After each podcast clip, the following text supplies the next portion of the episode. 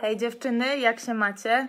Będziemy się przyglądać konfliktom, bo to jest taki temat bardzo dla mnie ważny i chyba taki temat, od którego ja zaczęłam, ta, ta moja e, przygoda z porozumieniem bez przemocy zaczęła się od tego, że ja sobie pomyślałam, że cholera, co by tu zrobić, żeby tak się dogadywać w tej rodzinie naszej, z tymi dziećmi, z tym moim Andrzejem w ten sposób, że my się mniej będziemy kłócić. Te nasze kłótnie to wiecie, jakieś spektakularne bardzo nie były.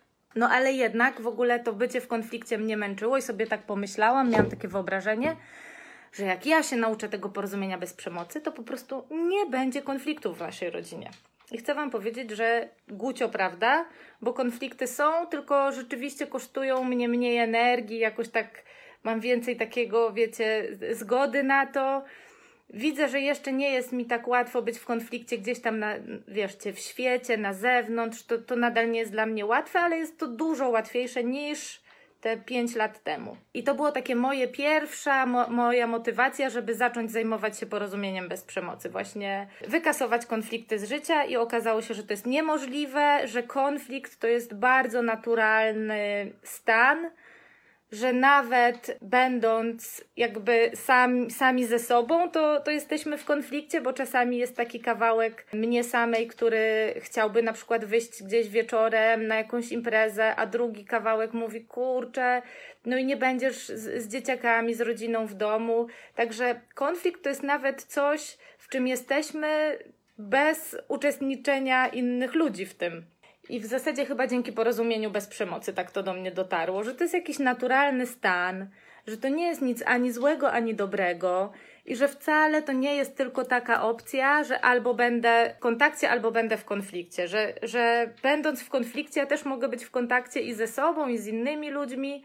I chciałam, i jak Was wczoraj poprosiłam o to, żebyście napisały, jakie Wy macie przekonania pod, pod takim konfliktem, kłótnią, co to dla Was jest, to było tego sporo i zrobiłam sobie ściągę z nimi, że na przykład je, jest tak, że kłótnia to koniec świata, że tak na grubo, nie? Że jak już się pokłócę, to już jakoś nie ma możliwości powrócenia do relacji, że, że właśnie, że jak jest kłótnia, to nie ma relacji, że jest racja tylko i albo moja racja, albo twoja racja i że to jest taki stan, w którym bardzo dużo jest w ogóle takich militarnych zwrotów. Obrona racji, walka, wojna, że albo mogę zawalczyć, albo mogę uciec, że bardzo widać, że jesteśmy wtedy w takim rzeczywiście stanie reaktywnym, kiedy mamy takie odruchy,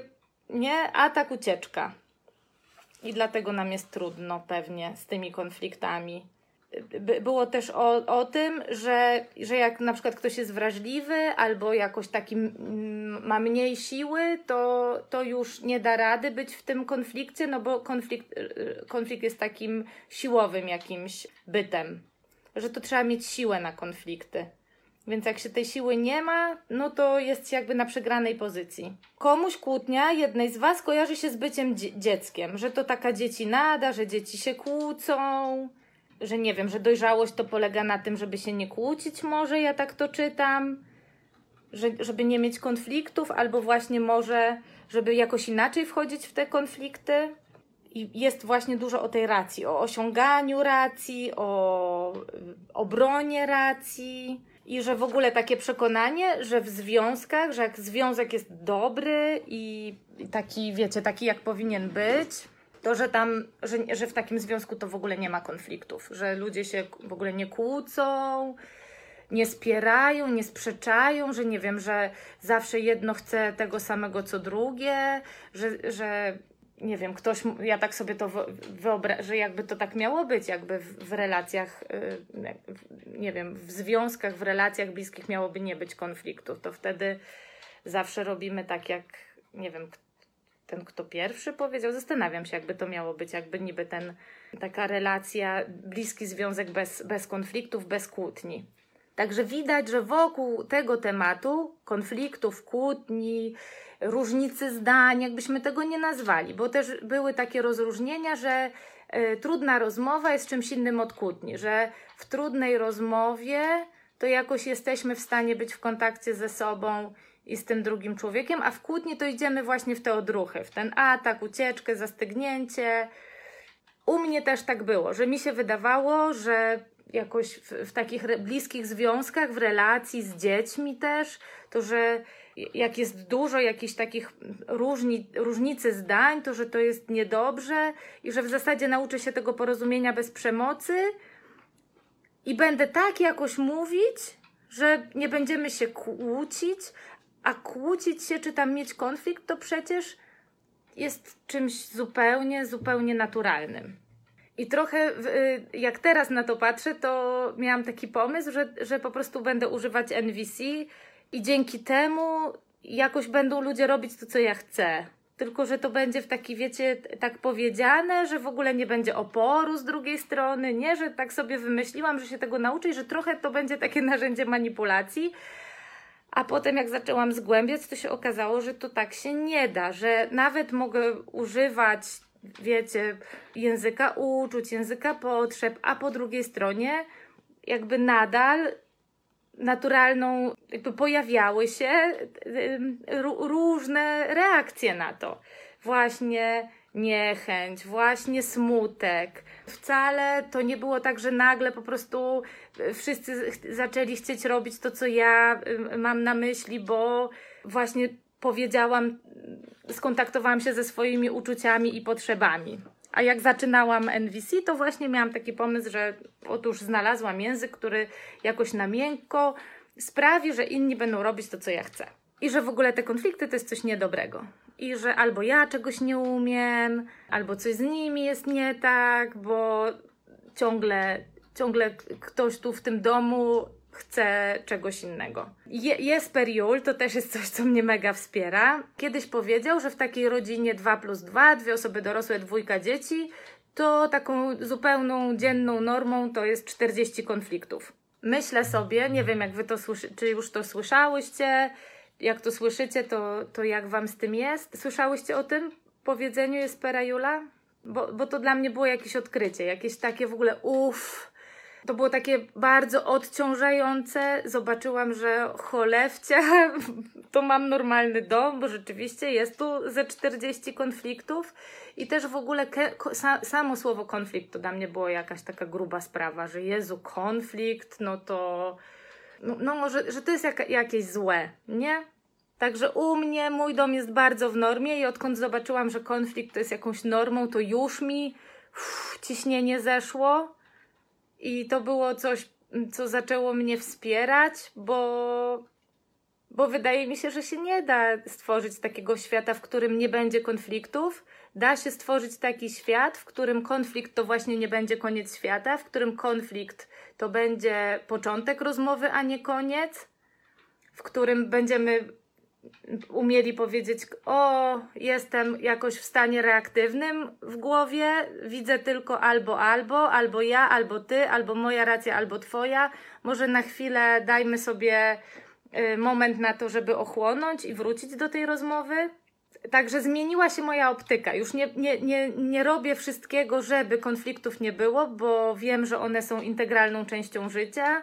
Nawet we mnie samej toczą się konflikty a raczej zaczęłam na nie patrzeć inaczej i szukać tych podpowiedzi, które dadzą mi energię do działania, które zobaczą o co te kawa- na przykład kawałki we mnie, które gdzieś tam są w konflikcie, czyli wychodzić wieczorem, czy zostać w domu wieczorem z dzieciakami, to o co każdy z nich stara się zadbać i czy to, jak to zrobić. I czasami samo popatrzenie sobie na te kawałki we mnie samej już przynosi sporo ulgi i tak samo jak patrzę na konflikty między dwie, dwiema osobami, na przykład, nie wiem, między moimi dziećmi, i jak widzę, że każdy z nich stara się zadbać o coś ważnego dla siebie, to to też już przynosi mi bardzo dużo takiego spokoju, takiego miejsca, z którego mogę ich wspierać w tym konflikcie. Piszecie tutaj coś, Basia pisze, NVC to nie jest coś, co na miękko sprawi, że inni będą robili to, co ja chcę mega biorę. No dzięki Basiu, ja, myśl, ja miałam taki pomysł, że właśnie NVC to tak nie w białych, białych rękawiczkach, tak kulturalnie, ale będą robili tak jak chcę, a tu Gucio. Monika, a da się tak zrobić jednostronnie, jeśli druga strona uważa, że konflikt to koniec, jeśli ktoś mnie odrzuca, kiedy się z nim nie zgadzam. To jest tak, żeby zobaczyć, na co ja mam wpływ. Nie? I ja nie mam, ja mam wpływ na to, jaką ja, jak ja reaguję na konflikt, jak ja Mm, czy właśnie jestem w tym reaktywnym i widzę tylko albo, albo jakąś jedną możliwość, czy ja jestem otwarta i w takim mm, stanie zintegrowanego mózgu, kiedy mi też ta kora nowa, wiecie, działa i, i, i jestem w stanie widzieć różne scenariusze. I to, to dla mnie, Moniko, jest o, o zobaczeniu, że ja nie mam wpływu na wszystko. Ja bardzo mogę i chcę mieć wpływ na to, jak ja wejdę w ten konflikt, jak ja będę odpowiadać czy ja będę w stanie obdarzyć empatią tą osobę, zobaczyć o co mi chodzi, schować to na chwilę do kieszeni i pobyć po tej drugiej stronie, czy na dzisiaj, na, na ten dany konflikt, na ten dany moment nie mam takich zasobów i nie brać odpowiedzialności za to, jak ma ta druga strona, bo ona jednego dnia może nie mieć zasobów, może w ogóle nie mieć umiejętności, albo może wiedzieć, jak to zrobić, ale w, ty, w tym danym momencie może nie umieć w, w taki, jakby z nich skorzystać. I wiecie co, chciałabym Wam powiedzieć o, y, o takich trzech założeniach NVC, które bardzo mnie wspierają we wchodzeniu w konflikty, w byciu w konfliktach, w patrzeniu na konflikty.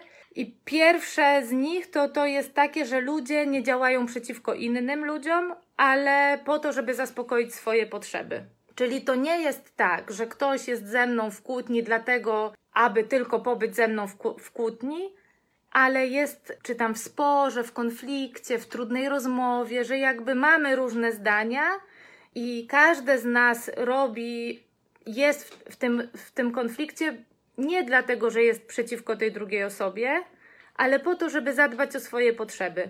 I to jakoś bardzo, bardzo mnie, mi pomaga, bo też zauważy, zaczęłam zauważać takie kon, konstrukcje moje językowo-myślowe, które miałam na przykład, że na przykład on mi je, albo on mi nie wychodzi z domu, on mi się ociąga.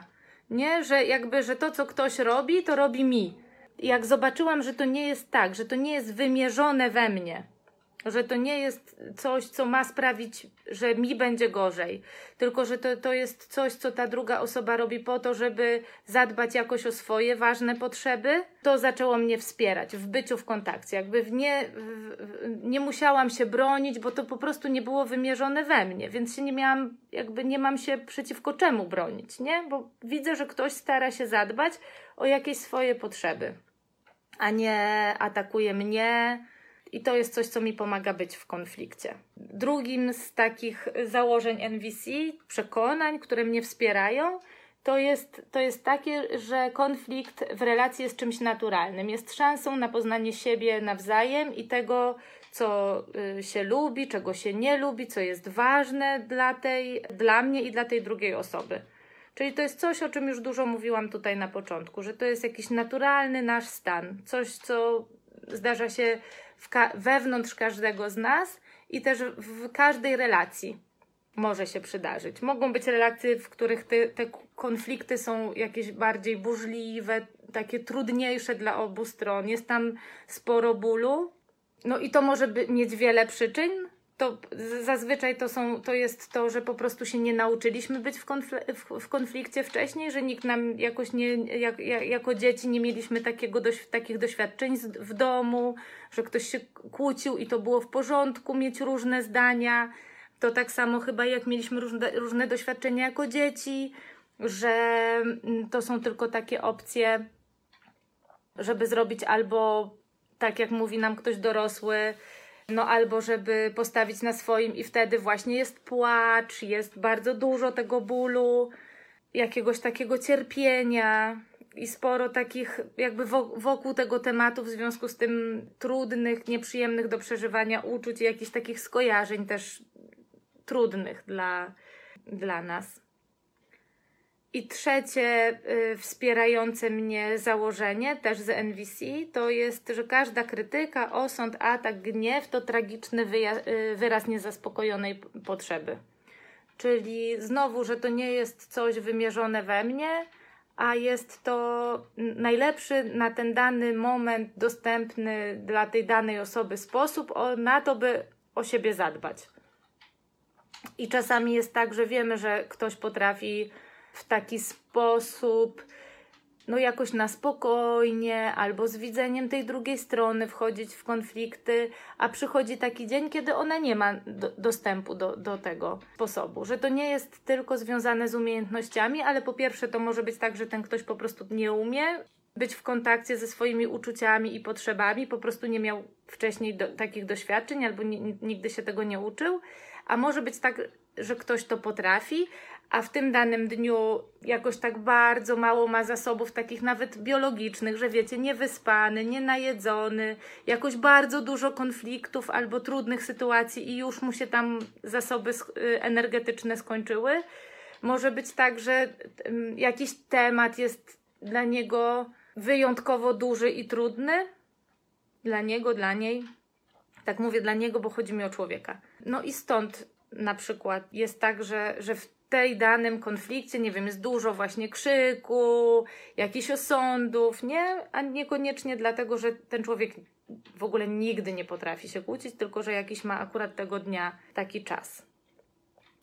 A czyjeś potrzeby są często podane w sposób dla mnie zbyt ciężki i są zbyt ekspansywne przy nieelastyczności na inne strategie ich realizacji.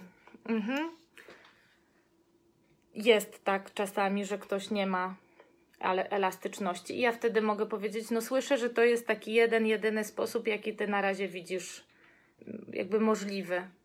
Czasami tak po prostu może być, że, że, że na, w, w, jakimś mm, danym momencie, na jakiś, w, w jakimś czasie ktoś mm, wiecie, ludzie mogą mieć w ogóle takie, że jakby o Jezu, oni wcześniej nie do, doświadczyli empatii nigdy, takiego właśnie, że ktoś widział ich z ich potrzebami i uczuciami i mogą mieć takie zdziwienie wielkie i takie w ogóle też jakiś taki strach przed nowym.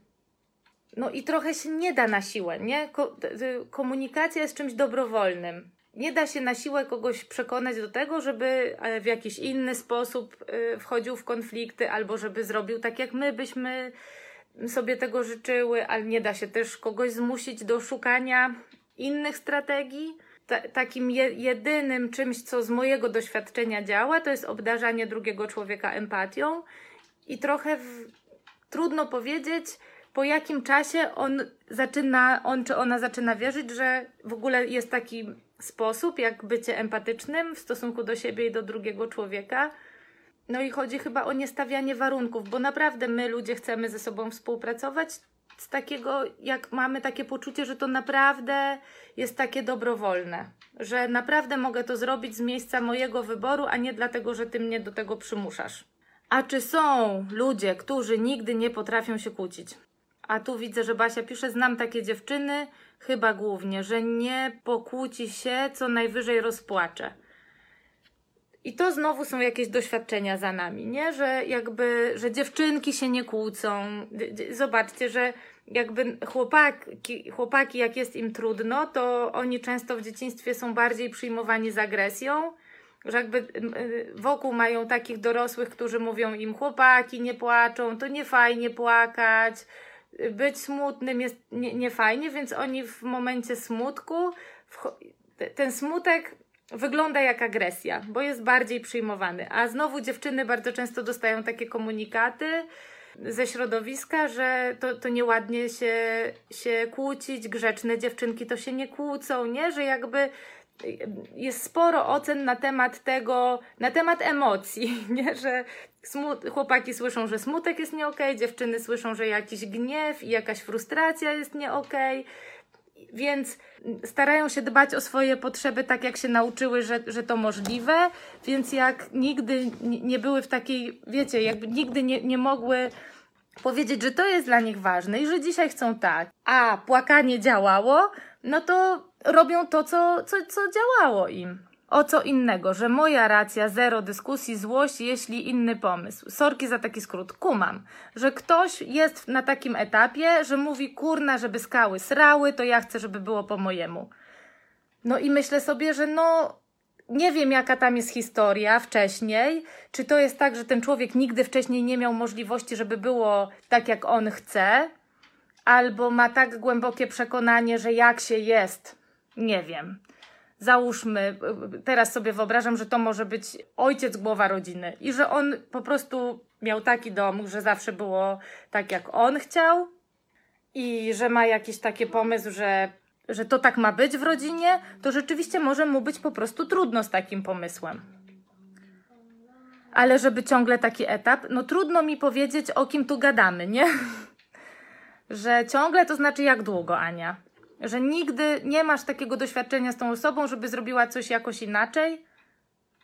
Bo, bo wiecie, bo my tylko patrzymy też, myślę sobie, na takie momenty, kiedy rzeczywiście już jest taki mm, jawny, że jakoś ja jawnie mówię, że chcę, żeby było inaczej, a są, jest wiele takich momentów, często z dzieciakami, kiedy one robią tak, jak my chcemy, a my tego trochę nie zauważamy, że one może mogłyby inaczej. Nie zauważamy tych wszystkich momentów ich w życiu, kiedy nie, nie mają możliwości wyboru. I jak nam na czymś bardzo zależy, to.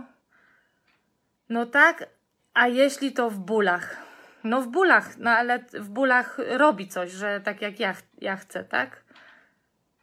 To może bardzo zależy tej osobie na to, żeby za, zauważyć to, że ona jednak tak robi, jak my byśmy chcieli, żeby jakoś poświętować razem z nią to, że albo w ogóle uznać to. Uznać z jednej strony, że po prostu powiedzieć, widzę, że chciałbyś, żeby to było inaczej zrobione, ale też wyrazić takie uznanie, żeby powiedzieć, jak to, że ona robi tak, jak ja chcę, wzbogaca moje życie, że to jest dla mnie naprawdę ważne.